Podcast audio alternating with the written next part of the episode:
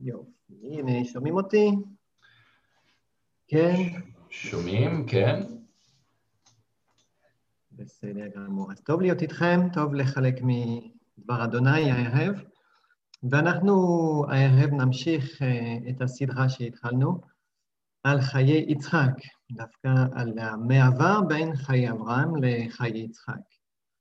אה, אז קצת תזכורת על מה שראינו לפני שבוע אה, עם יונתן.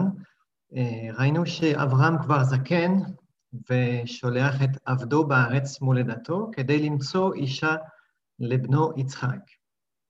העבד נשבע לאברהם שהוא יחפש שם אישה ליצחק, וגם שהוא לא יביא את יצחק לשם. רק אם האישה לא תרצה לבוא לארץ כנען, אה, העבד יהיה משוחרר מהשבועתו. אז גם אברהם מבטיח לעבדו שאלוהים ישלח את מלאכו לפניו. ובלי לדעת בדיוק איך, אברהם בוטח באלוהים, אה, יודע שאלוהים הוא נאמן ויקיים את הבטחתו לתת לו זרע אה, בארץ כנען. אז הערב אנחנו נמשיך פשוט את הקטע ונראה איך אלוהים אה, ממשיך לפעול דרך עבדו של אברהם. אז נקרא בראשית, פרק כ"ד, 24, מפסוקים 10 עד 27. אז בואו נקרא ביחד. ויקח העבד עשרה גמלים מגמלי אדוניו, וילך בכל טוב אדוניו בידו, ויקום וילך אל ארם נהריים, אל עיר נחור. ויברך הגמלים מחוץ לעיר אל באר המים, לעת ערב, לעת צאת השואבות. ויאמר, אדוני, אלוהי אדוני אברהם, יקרא נא לפניי היום, אה, עשה חסד עם אדוני אברהם. הנה אנוכי ניצב על עין המים, ובנות אנשי העיר יוצאות לשאוב מים. אמ, סליחה. והיה נאה אשר אומר עליה, היתי נא קדך ואשתה ואמרה, שתה וגם גמליך אשקה, אותה הוכחת לעבodiך, ליצחק, ובה אדע כי עשית חסד עם אדוני. הוא טרם קילה לדבר, והנה רבקה יוצאת אשר יולדה לבתואל, בן מילכה אשת נחור, אחי אברהם, וקדה על שכמה. והנערה טובת מראה מאוד, בתולה ואיש לא ידע, ותרד הנה, ותמלא כדה, ותעל. ויעץ העבד לקראתה ויאמר, הגמי אני נא מעט מים מכדך. ותאמר, שתי אדוני, ותמהר ותורד כדה על ידה ותשקעו. ותיכל לאשכתו לתומר, גם לגמליך אשב, עד אם כילו לשתות. ותמהר ותיד כדה על השוקט, ותרץ עוד אל הבאר לשוב, ותשב לכלו גמליו. והאיש משתאה לה, מכחיש לדעת, ההצליח אדוני דחקו אם לא. ויהי כאשר כילו גמלים לשתות, ויקח האיש נזם זהב, בקע משקולו, ושני צמידים על ידיה, עשרה זהב משקלם. ויאמר, בת מי את? הגידי נא לי, היש בית אביך מקום לנו ללין? ותאמר אליו, בת בתואל אנוכי, בן מילכה אשר יולדה לנחור. ותאמר אליו, גם תבן, גם מספוריו, עמנו גם מקום ללון. ויקוד האיש, וישתחו לאדוני. ויאמר, ברוך אדוני אלוהי אדוני אברהם, אשר לא עזב חסדו, ואימתו מעם אדוני אנוכי, בדרך נחני אדוני, בית אחי אדוני. אז בואו נתפלל ביחד. אבי שבשמיים, אנחנו מודים לך על דברך, מודים לך על ההזדמנות ללמוד על אה, חיי אברהם, חיי יצחק. מודים לך שאתה נאמן, שאתה טוב, ושאתה, אה, כן, הדרכת אותם בדרך שלך. תן לנו חסד גם להבין הערב מה אתה רוצה לומר לנו. תמלא אותנו ברוח הקודש ותעזור לנו לשמוע את כולך ולהבין מה רצונך עבורנו הערב. תן לי את המילים, גם ותן לי חסד אה, לחלק את דברך הערב. בשם ישוע. אמן. אמן.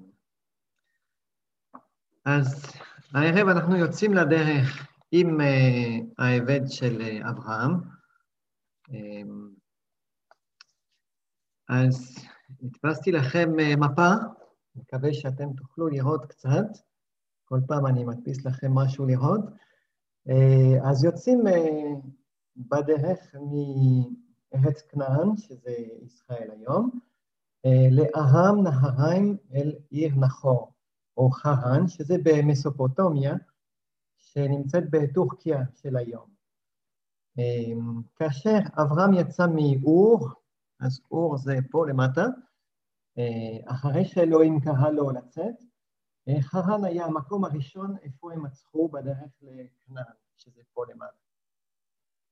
אמ, אז אברהם גר שם עד מותו של אבי תרח, ובעיר אה, חרן אלוהים שוב קורא את אברהם לצאת ולהמשיך את הדרך אה, עד לכנען, עד לארץ ישראל. ונחור, אח של אברהם, כנראה נשאר בעיר חרן אה, כאשר אברהם יוצא לדרך לכנען. אז העבד של אברהם בעצם עושה חלק מהמסע של אברהם, אבל פשוט בכיוון הפוך, מארץ כנען והוא חוזר אה, לחרן. המרחק בין השני נקודות האלו אה, זה בערך אלף קילומטרים. אז זה לא מעט, זה לא מסע קטנה של כמה יומים, זה באמת מרחק אה, גדול. אה, בסיפור הזה רואים שהעבד של אברהם מראה גם הוא אמונה ונאמנות יוצאת דופן כאשר הוא הולך לארם להביא אישה ליצחק. העבד פעיל מאוד באמונתו ונאמנותו לאברהם. נראה את זה בכמה, בכמה נקודות. אה, קודם כל, הוא לא מקשקש עם אברהם שעות אה, כדי לדבר על הקושי במשימה, או כדי לשאול את כל השאלות שאפילו לאברהם אין לו תשובות. כתוב אחרי השיחה וההשבעה שלו, שהוא פשוט מתכונן, אה, לוקח גמלים ויוצא לדרך כדי לקיים את הבטחתו לאברהם. אפילו אם זה רחוק, אפילו אם זה קשה, ואפילו אם יש סכנה אולי בדרך. אז הוא פרקטי, הוא כתוב שהוא לוקח uh, עשרה גמלים, ואיתו גם דברים הטובים uh, ביותר של אברהם. אז חלק מההון של אברהם הוא לקח איתו.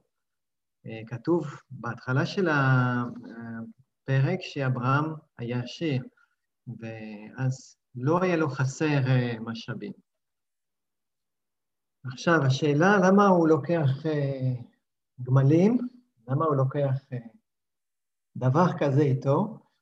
אה, היום אנחנו לא, לא כל כך לוקחים גמל כדי לעשות מרחק כזה של אלף קילומטרים, היינו לוקחים מטוס או מונית, אבל אז זו הייתה המכונית הכי טובה שאפשר לקחת, ולקחת עשרה זה היה גם מראה אה, שהוא היה עשיר, והוא היה, לא היה לבד רק עם אה, גמל אחד. אז עד היום משתמשים בארץ בגמלים, אבל זה יותר אה, אולי הבדואים במדבר ויותר עכשיו בתיירות שרואים את זה. אבל למדתי כמה דברים וגיליתי כמה דברים מעניינים על הגמלים. אה, למשל, עם המשקל שלו, שהוא, לו משקל עליו, גמל מסוגל ללכת עד 50 קילומטר כל יום. אז אפשר לעשות חשבון ולנחש שכדי לעשות אה, אלף קילומטרים, זה לקח להם לפחות עשרים יום, אז בערך שלוש שבועות. אה, אז היה לו זמן לחשוב, וזה היה מסע של אה, די הרבה זמן, עד שהם הגיעו למטרה. עוד דבר מעניין על הגמלים, בקיץ הגמל מסוגל לא לשתות במשך שבועיים עד שלוש שבועות. אה, בחורף הוא מסוגל לא לשתות במשך ארבע עד חמש שבועות. אז לא יודעים באיזו עונה הם אה, עשו את המעשה הזו, אבל אפשר לחשוב שאולי הגמלים אפילו לא שתו בכל הדרך. אה, וכאשר הוא צמא, גמל יכול, הוא היחיד מהחיות שמסוגל לשתות כמות ענקית של מים, עד 15 ליטר כל דקה, הוא יכול לשתות מאוד מהר, וסך הכל עד 100 ליטר הוא יכול לשתות תוך כמה דקות. אז uh, קצת דומה לאוטו, כשמתדלקים אותה בתחנת דלק, uh, אפשר uh, באות, במשך כמה דקות כבר לתדלק 40-50 ליטר באוטו. אז הוא שותה המון ומהר. בקיצור, העבד לא היה לבד עם עשר הגמלים, כתוב בהמשך של הסיפור שהיה איתו גם עוד כמה עבדים של אברהם. אז עד עכשיו העבד פשוט עושה משהו די הגיוני כדי לציית לאברהם. הוא לוקח גמלים ויוצא לדרך. אוקיי. אז במשך כמה שבועות הם עושים את המסע, והנה, הם מגיעים, מתקרבים לעיר של נחור, מגיעים לחרן. אה, פה רואים משהו פחות הגיוני. אה, העבד מאמין שאלוהים הוא אלוהי אברהם איתו, והוא מאמין שמלאך של אלוהים גם הכין את המסע והכין את ה... אה, את ה... איך הוא ימצא את האישה הנכונה. ולכן כאשר הוא מגיע אל ארם, הוא מתפלל אל אלוהים ומבקש ממנו אות. וכאשר הוא מגיע מחוץ לעיר, אה, במקום לשאול אה, לאנשים איפה נמצא את, אה, את אח של אברהם ולמצוא איפה הוא גר, הוא מבקש הדרכה ואות מאלוהים. הוא הולך למקום הנפוץ כדי לפגוש נשים של העיר, בבאר, בערב, כאשר כולן יוצאות לשאוב מים. שם הוא מתפלל לאלוהי אברהם, והוא מבקש חסד עבור אברהם ועבור הבן שלו יצחק, כדי להדריך אותו לאישה הנכונה. אה, היה, יכול להיות ששם עם הכסף וההון שהיה לו, היה לו אופציה, ואולי הרבה משפחות היו מוכנות, מוכנות לתת אה, אישה לאיש כזה אה, עשיר, אז העבד פשוט לא סומך רק על הכסף או על החוכמה שלו כדי להצליח במשימה, אבל הוא יודע שאלוהים יש לו משהו ספציפי, ובשביל זה הוא מבקש אה, את האות וההדרכה אה, מאלוהים. אה, כדי לדעת את זה, אם זה בא מאלוהים, הוא מבקש פשוט משהו לא רגיל ומשהו קשה, כדי לדעת בוודאות אם זה בא מאלוהים.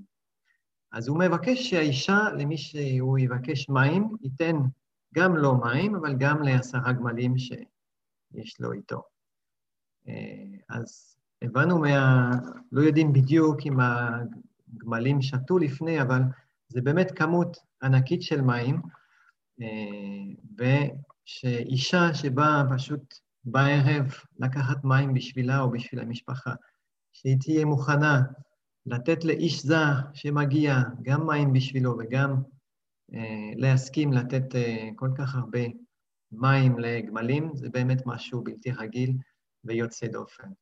אז זה מה שהוא מבקש כאות אה, כדי לדעת מי האישה הנכונה. אה, ומפה רואים איך אלוהים עונה לתפילה של העבד. העבד עוד לא סיים להתפלל, שכבר רבקה מתקרב, מופיע, עם כדה על השכמה. אה, היא, הוא לא יודע עדיין, העבד, אבל היא באמת האישה שבאה מהמשפחה של נחור. אה, ופה רואים את הדיוק של אלוהים, שיודע הכל והכין הכל מראש לרגע הזה. אפשר לחשוב שלאלוהים זה לקח לו שנים לתכנן את כל זה, כדי שרבקה תגדל, תהיה בגיל המתאים, שהיא תהיה בערב הזה בדיוק מוכנה לצאת על הבאר, ושהאבן תגיע באותו זמן, בדיוק אה, בזמן הזה, ומתפלל את זה, ושהקול הזה יתחבר ביחד וילך לפי אה, התוכנית של אלוהים. אז האות או הצירוף מקרים שרואים פה אה, יעזור מאוד בהמשך של הסיפור, כדי לשכנע גם אה, את המשפחה של רבקה, לתת לה לצאת אחר כך, וגם נותן לרבקה גם עוזר לה להבין שזה משהו שבא מאלוהים, כדי לצאת ולחזור לכנען. נראה את זה בהמשך של הסיפור, לא הערב. אה, עוד נקודה חשובה, אה, רואים שהעבד, כשהוא רואה את רבקה שמתקרבת, הוא כתוב שהוא רץ, העבד לקראתה, בפסוק 17. אז העבד אה, מיד הוא, הוא פעיל, הוא לא פסיבי, והדברים קורים מאוד מהר, והוא הוא, הוא עומד בקצב גם של הדברים שקורים. והוא בא ומבקש ממנה קצת מים. מהר, גם כתוב שהיא נותנת לו מים מהכד שלה. אז רבקה רואים קצת מהאופי שלה בסיפור הזה, התחלה אולי, שהיא לא פוחדת מהאיש הזר, אה, יש לה אמונה וביטחון, והיא מסכימה גם לדבר ולסמוך על איש זר שמגיע אה, מרחוק. היא גם מנצלת את ההזדמנות לשרת מישהו זר ומישהו שלא בא מהעיר. היא מוכנה לשנות את התוכניות שלה ופשוט לשתף פעולה עם מה שקורה בזמן. אמ, האם העבד היה נראה שהוא זקוק אחרי נסיעה או מעשה גדולה? יכול להיות. יודעים שהעבד הזה היה העבד הזקן ביותר, הוותיק ביותר אצל אברהם, אז הוא היה בטח בגיל אה, אולי קצת זקן, ויכול להיות שרבקה גם רואה שהוא איש זקן, ואולי יש לה חסד גם מיוחד אה, עבורו. אמ, אז האם זה היה האופי שלה להיות כל כך חרוצה, וגם להגיד, אני מוכנה גם לתת לגמלים שלך? האם זה היה חסד מאלוהים שנתן לו כוח או רצון כזה מיוחד במצב הזה? לא כתוב לנו בדיוק מה הסיבות, אבל אני חושב שאולי כל הסיבות האלו הן נכונות ופשוט התחברות ביחד אה, בזמן הזה. אמ, אז העבד גם לא תמיד פעיל, הוא גם יודע לחכות, וכשהוא רואה שרבקה מסכימה לתת אה, מים לכל הגמלים, כתוב שהעבד גם עצר, מחכה, עד שהוא רואה שרבקה משלימה את האות עד הסוף. אמ, וזה גם מעניין לראות שעד עכשיו העבד עשה הרבה דברים, ופה כשהוא רואה שאלוהים פועל, הוא יודע לעצור, יודע לחכות, ועד הסוף כדי לראות אם זה באמת בא מאלוהים. אמ, אז לא יודעים כמה זמן זה לקח, עשרה גמלים ששותים אולי מאה ליטר, זה כבר אה, אלף ליטר, שזה הרבה. רוב הסיכוי שהם עצרו בדרך ושתו לפני זה, אבל לא יודעים בדיוק, זה לקח אולי כמה דקות, אולי שעה, אולי כמה שעות, גם לא כתוב לנו, אה, אבל זה משהו שיוצא דופן שקרה פה. וכאשר העובד רואה שהוא מקבל באמת את האות עד הסוף, הוא מבין שהוא אכן אה, אלוהים מוביל אותו אה, אל האישה המתאימה. אז הוא נותן לרבקה מתנות יקרות של ערך, נזם זהב, ושני צמידים אה, על הידיה. הוא ישר משקיע בה, הוא ישר נותן לה סימן שמשהו חשוב קרה בזמן הזה, ושהיא ראויה עם ערך גדול בעיניו. ולא רק זה, הוא גם ישר משתחווה לאלוהים. נותן לו כבוד אה, עבור האות, וגם אה, הנאמנות של, של אלוהים עבור אברהם ויצחק. הוא הוא פשוט יודע שהכל בא בזכות אלוהים, בזכות החסד שלו, אה, והוא מודה לו ישר על המקום. אמ, אוקיי, אז זה הרעיון מרכזי פה, רואים שהעבד פשוט עם הרבה אמונה, והוא נאמן גם אה, עבור, אה, עבור אברהם ומה שהוא הפתיע לו. כאן אנחנו גם בעצם רואים איך האמונה והנאמנות של אברהם נדבקה גם בעבד שלו. אנחנו רואים כאן שאיך הכוח של איש אלוהים כמו אברהם יכול להשפיע לא רק על המשפחה שלו, אבל גם על מי שמסביבו, כמו העבד שלו. וזה מעניין לראות את זה, איך אנחנו יכולים להשפיע, ואיך אברהם הצליח גם להשפיע על העבד שלו. מעבר לזה, אנחנו גם רואים את אה, אמון, אה, נאמנות של אלוהים בסיפור הזה. הוא אכן שולח ושלח את מלאכו לפניו והדריך את העבד. אברהם בטח באלוהים, ואלוהים הוכיח שראוי לפתוח בו. ויש כאן שיעור מאוד חשוב על איך אלוהים מדריך אותנו, ושראוי לפתוח בו. וכמו העבד, אפשר להתפלל, לבקש, לחכות, ואז להשתחוות ולהודות לו. אז זה סיפור מדהים, נכון? אה, אבל אפשר להגיד שזה קרה לפני הרבה זמן, במקום אה, רחוק מפה, אז איך זה יכול עוד להשפיע עלינו הערב, עדיין? אה, מה אלוהים יכול ללמד אותנו ולומר לנו הערב? ואם לוקחים קצת אחורה ומסתכלים קצת בכתובים, במקומות אחרים, רציתי להוסיף כמה נקודות גם נוספות למחשבה. אה, במקום אחד בכתובים גם כתוב לנו שאלוהים יש לו תוכנית טובות עבור המאמינים בו, עבור העם שלו. כתוב בירמיהו אה, כ"ט, 29, אה, פסוק 11, כי אנוכי ידעתי את המחשבות אשר אנוכי חושב עליכם, נאום אדוני. מחשבות שלום ולא לרע, לתת לכם אחרית ותקווה. אז זה לא רק הסיפור אה, של אברהם או יצחק, אבל רואים שעבור כל אחד מאיתנו, כל אחד מהילדים של אלוהים, יש לו תוכנית, תוכניות טובות, לא לרע, עם אחרית ותקווה. אה, וזה חשוב לדעת שזה לא רק לכמה אנשים שאלוהים אה, מכין דברים, הוא עושה ניסים, אבל יש לו תוכניות עבור כל אחד מאיתנו. אה, כתוב במקום אחר גם שאפילו לפני שאלוהים ברא את העולם, הוא כבר חשב על כל אחד מאיתנו עם תוכניות טובות, והכין לנו לא רק תוכניות, אבל גם מעשים טובים. אפשר לקרוא את זה באיגרת אל האפסים, פרק ב', פרק 2, בפסוק 10. שהרי מעשה ידי אלוהים אנחנו, ברואים במשיח ישוע, למעשים טובים אשר אלוהים הכינם מקדם למען נחיה בהם. אז זה, מה זה אומר הדבר הזה? זה אומר שלאלוהים אה, יש מעשים ספציפיים שהוא הכין עבור כל אחד מאיתנו, במצבים ספציפיים ועבור אנשים הספציפיים.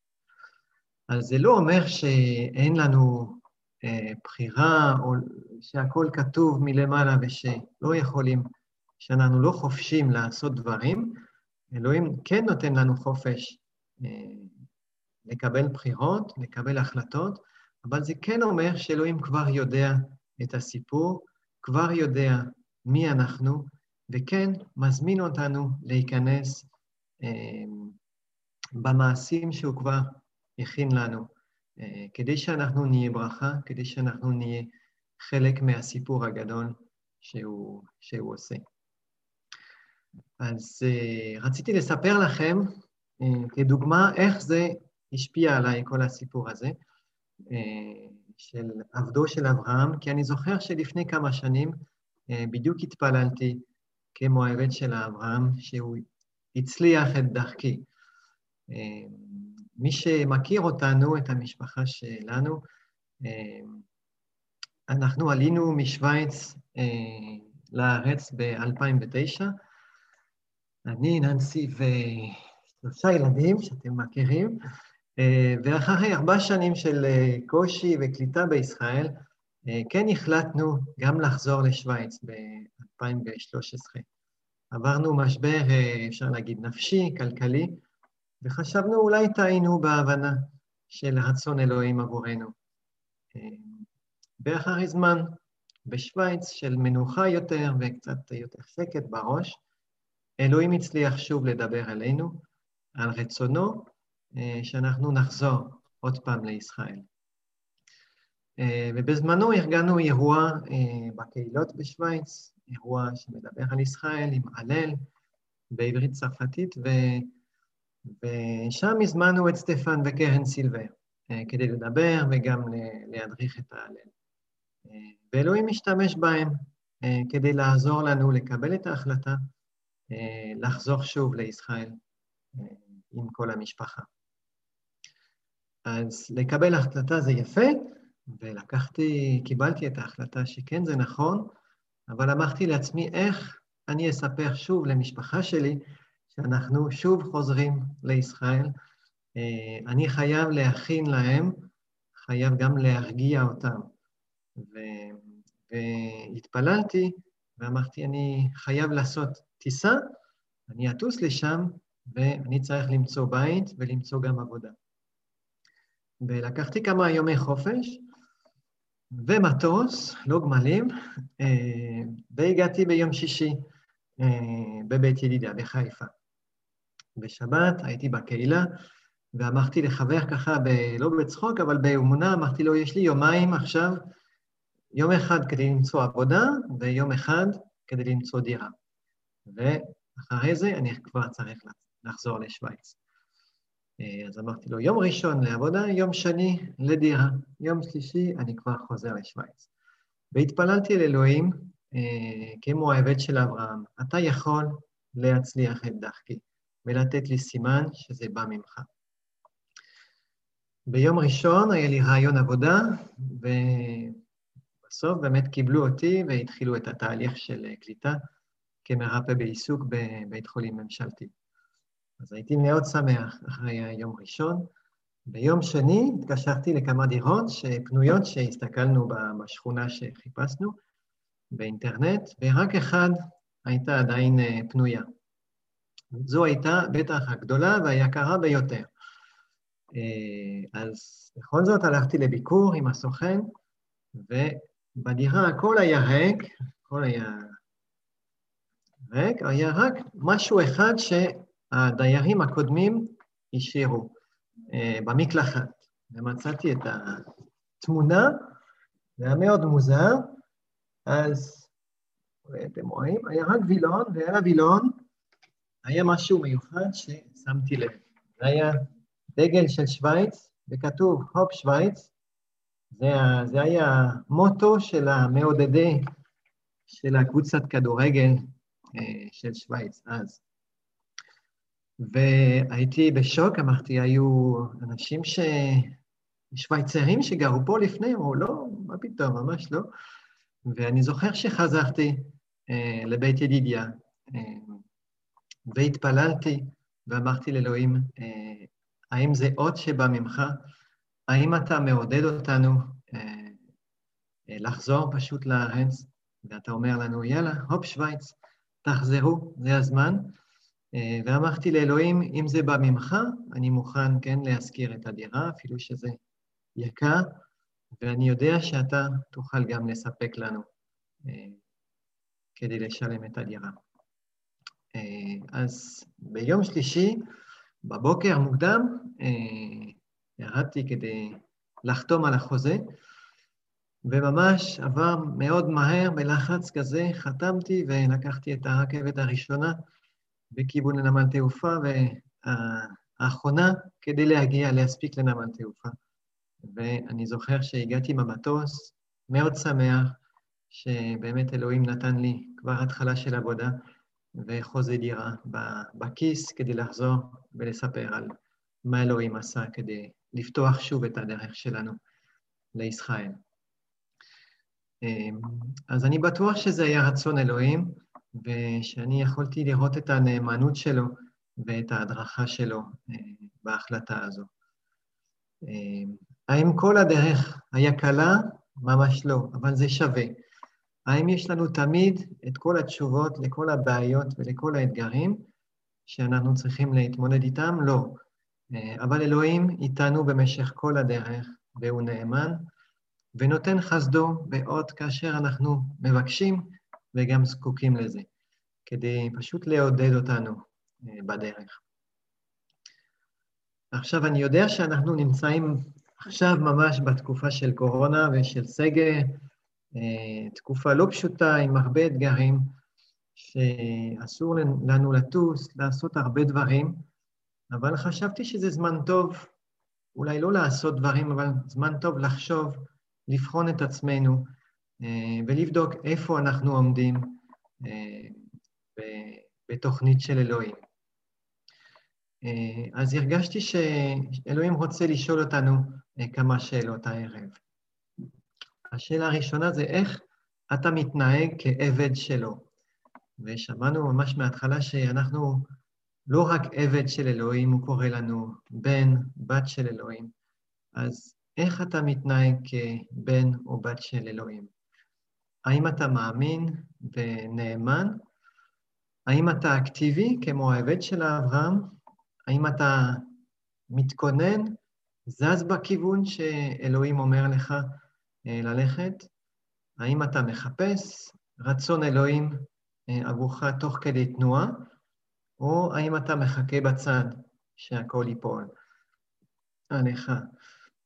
האם אתה מבקש הדרכה מאלוהים, מבקש חוכמה או אות במצבים ספציפיים או בהחלטות גדולות? אה, זו באמת שאלה. עוד שאלה, איך האופי שלך? האם האופי שלך משתנה, מתקרב, מזדהה לאופי של ישוע, כמו העבד עם אברהם? ועוד שאלה, האם אתה מוכן גם לשרת אחרים, כמו רבקה, שהיה לה אופי שמוכנה לשרת, אפילו כאשר זה לא היה מתוכנן? האם אתה מנצל גם, כמו ההזדמנויות שעוברות מולך כדי לשרת ולעשות טובה לאחרים?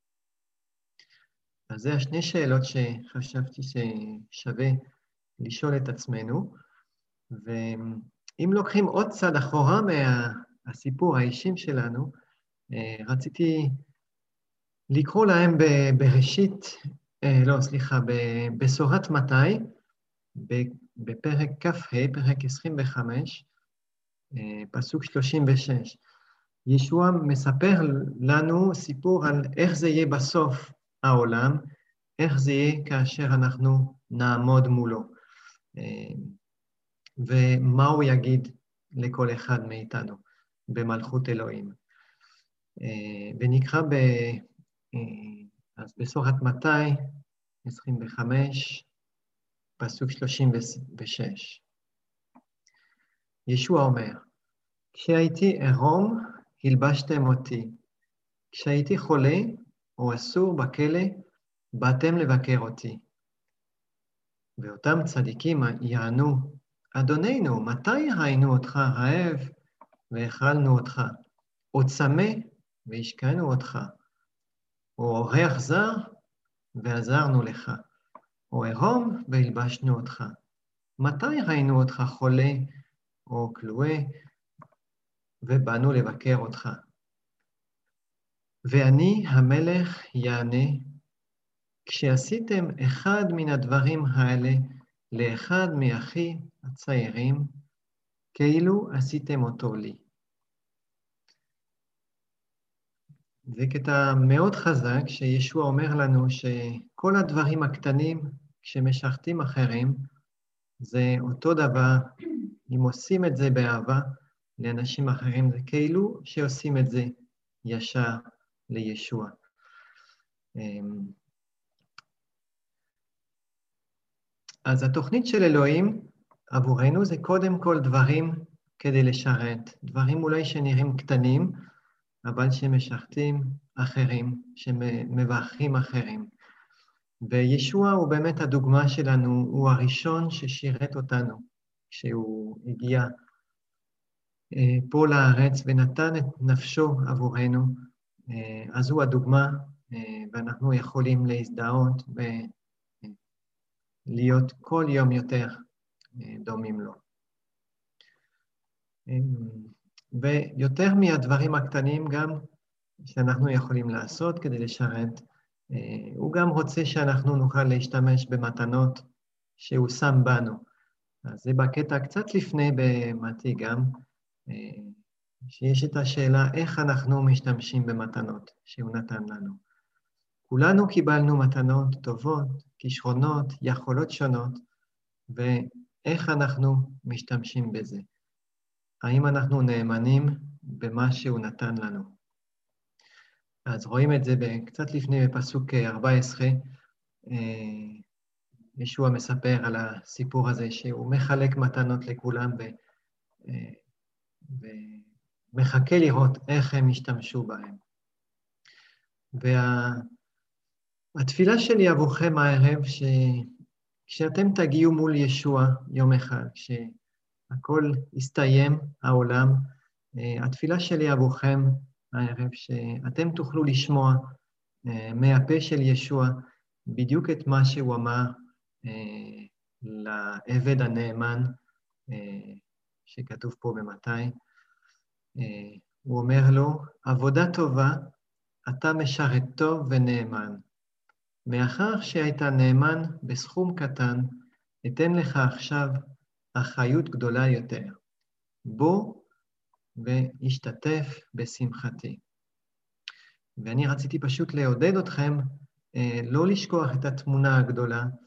אולי היום או הרב אנחנו נמצאים בנקודה ספציפית בחיים שלנו, בנקודה פה בהיסטוריה אה, עם הקורונה, אבל ניקח כמה צעדים אחורה ונסתכל ושאנחנו נוכל פשוט לבחון את עצמנו ולבקש מאלוהים שהוא יעזור לנו להגיע עד הסוף, לעבור את כל הקושי שיש כדי לעבור, והוא פה איתנו. הוא הבטיח לנו שהוא יהיה כל יום איתנו עד שהוא יחזור, ושהוא, שאנחנו נוכל להיות נאמנים ואקטיביים באמונה שלנו אה, עד הסוף, כדי לשמוע את ישוע. מזמין אותנו אה, בשמחת אלוהים. אז בואו נתפלל ביחד. אבא שבשמיים, אנחנו מודים לך על מי שאתה, טוב, נאמן, סבלני ומלא חסד. תודה שקראת לנו אה, להאמין בך, תודה ששלחת את בנך ישוע כדי להושיע אותנו מהחטאים שלנו. תודה שנתת לנו גם זכות להיות אה, בנים ובנות שלך. ואני מבקש שאתה פשוט תעזור לנו להיות ילדים שאוהבים אותך, שמצייתים לך, ותן לנו חסד כדי להבין את חצונך הספציפי, וכוח כדי לעשות את המעשים אה, שהכנת במיוחד עבורנו. תן לנו סבלנות, תקווה ומספיק אמונה כדי להיות נאמנים במשך כל חיינו. אמן. אז המון המון ברכות, ותודה. פיליפ, תודה רבה. איזה יופי לשמוע את, ה, את הסיפור אה, של, של, שלכם, של המשפחה, ו, ולראות באמת איך זה כל כך, אה, יש כל כך דמיון, ו, וסיפור כזה, כמו שאתה אומר, שהוא יכול לראות לנו משהו מאוד רחוק, וככה אה, אולי פחות קשור אלינו, אבל, אבל הנה, זה אותו אלוהים, וזה אותם קשיים, וזה אותם אתגרים, ואלוהים פועל באותן דרכים מופלאות, כמו שהוא עשה אז, ככה גם היום. אז אה, תודה רבה על זה, וגם אה, על הלימוד ועל העדות הזאת תוך כדי. וכן, רק הפסוק הזה כאן, 27, ברוך אדוני אלוהי, אלוהי אדוני אברהם, אשר לא עזב את חסדו ואמיתו מאת אדוני אנוכי בדרך נחני אדוני, אה, בית אחי אדוני. אז באמת אה, ברוך אדוני, ברוך אלוהים, שלא עוזב אותנו, שהוא לא נותן לחסדו לעזוב אותנו, והאמת שלו, ושהוא מנחה אותנו אה, בדרך. כמו שגם ראינו כאן עם העבד, כמו ששמענו על פיליפ וננסי והסיפור האישי שלהם, וכמו שאנחנו יודעים שהוא, שזה נכון בשביל כולנו גם כן, שהוא לא עוזב אותנו, והוא מנחה אותנו בדרך. אז תודה רבה שוב, פיליפ. אז אנחנו נסיים עם uh, uh, ברכת הכהנים, ואז אפשר יהיה לפתוח את המיקרופונים ואת המצלמות, ותוכלו להגיד שלום אחד לשני. יברכך אדוני וישמרך, יאר אדוני פניו אליך ויחונקה, יישא אדוני פניו אליך וישם לך שלום. בשם ישוע המשיח אנחנו מתפללים את המילים האלה. אמן. ואדון, אנחנו מתפללים שיהיה לכולנו שבוע טוב, אנחנו מתפללים, אדון, שאכן תלך לפנינו. אדון, תנחה אותנו ותוביל אותנו, אמ, ותן לנו לראות את הפועל שלך בחיינו יום-יום ורגע רגע. אנחנו מתפללים בשם ישוע. אמן. אז שבוע טוב ומבורך אה, לכולם, ואנחנו אה, נראה אתכם בתקווה ביום רביעי במפגש אמצע השבוע, ואם לא, אז אנחנו נתראה בשבת הבאה, ואנחנו נמשיך גם בשבת הבאה עם הסיפור של יצחק.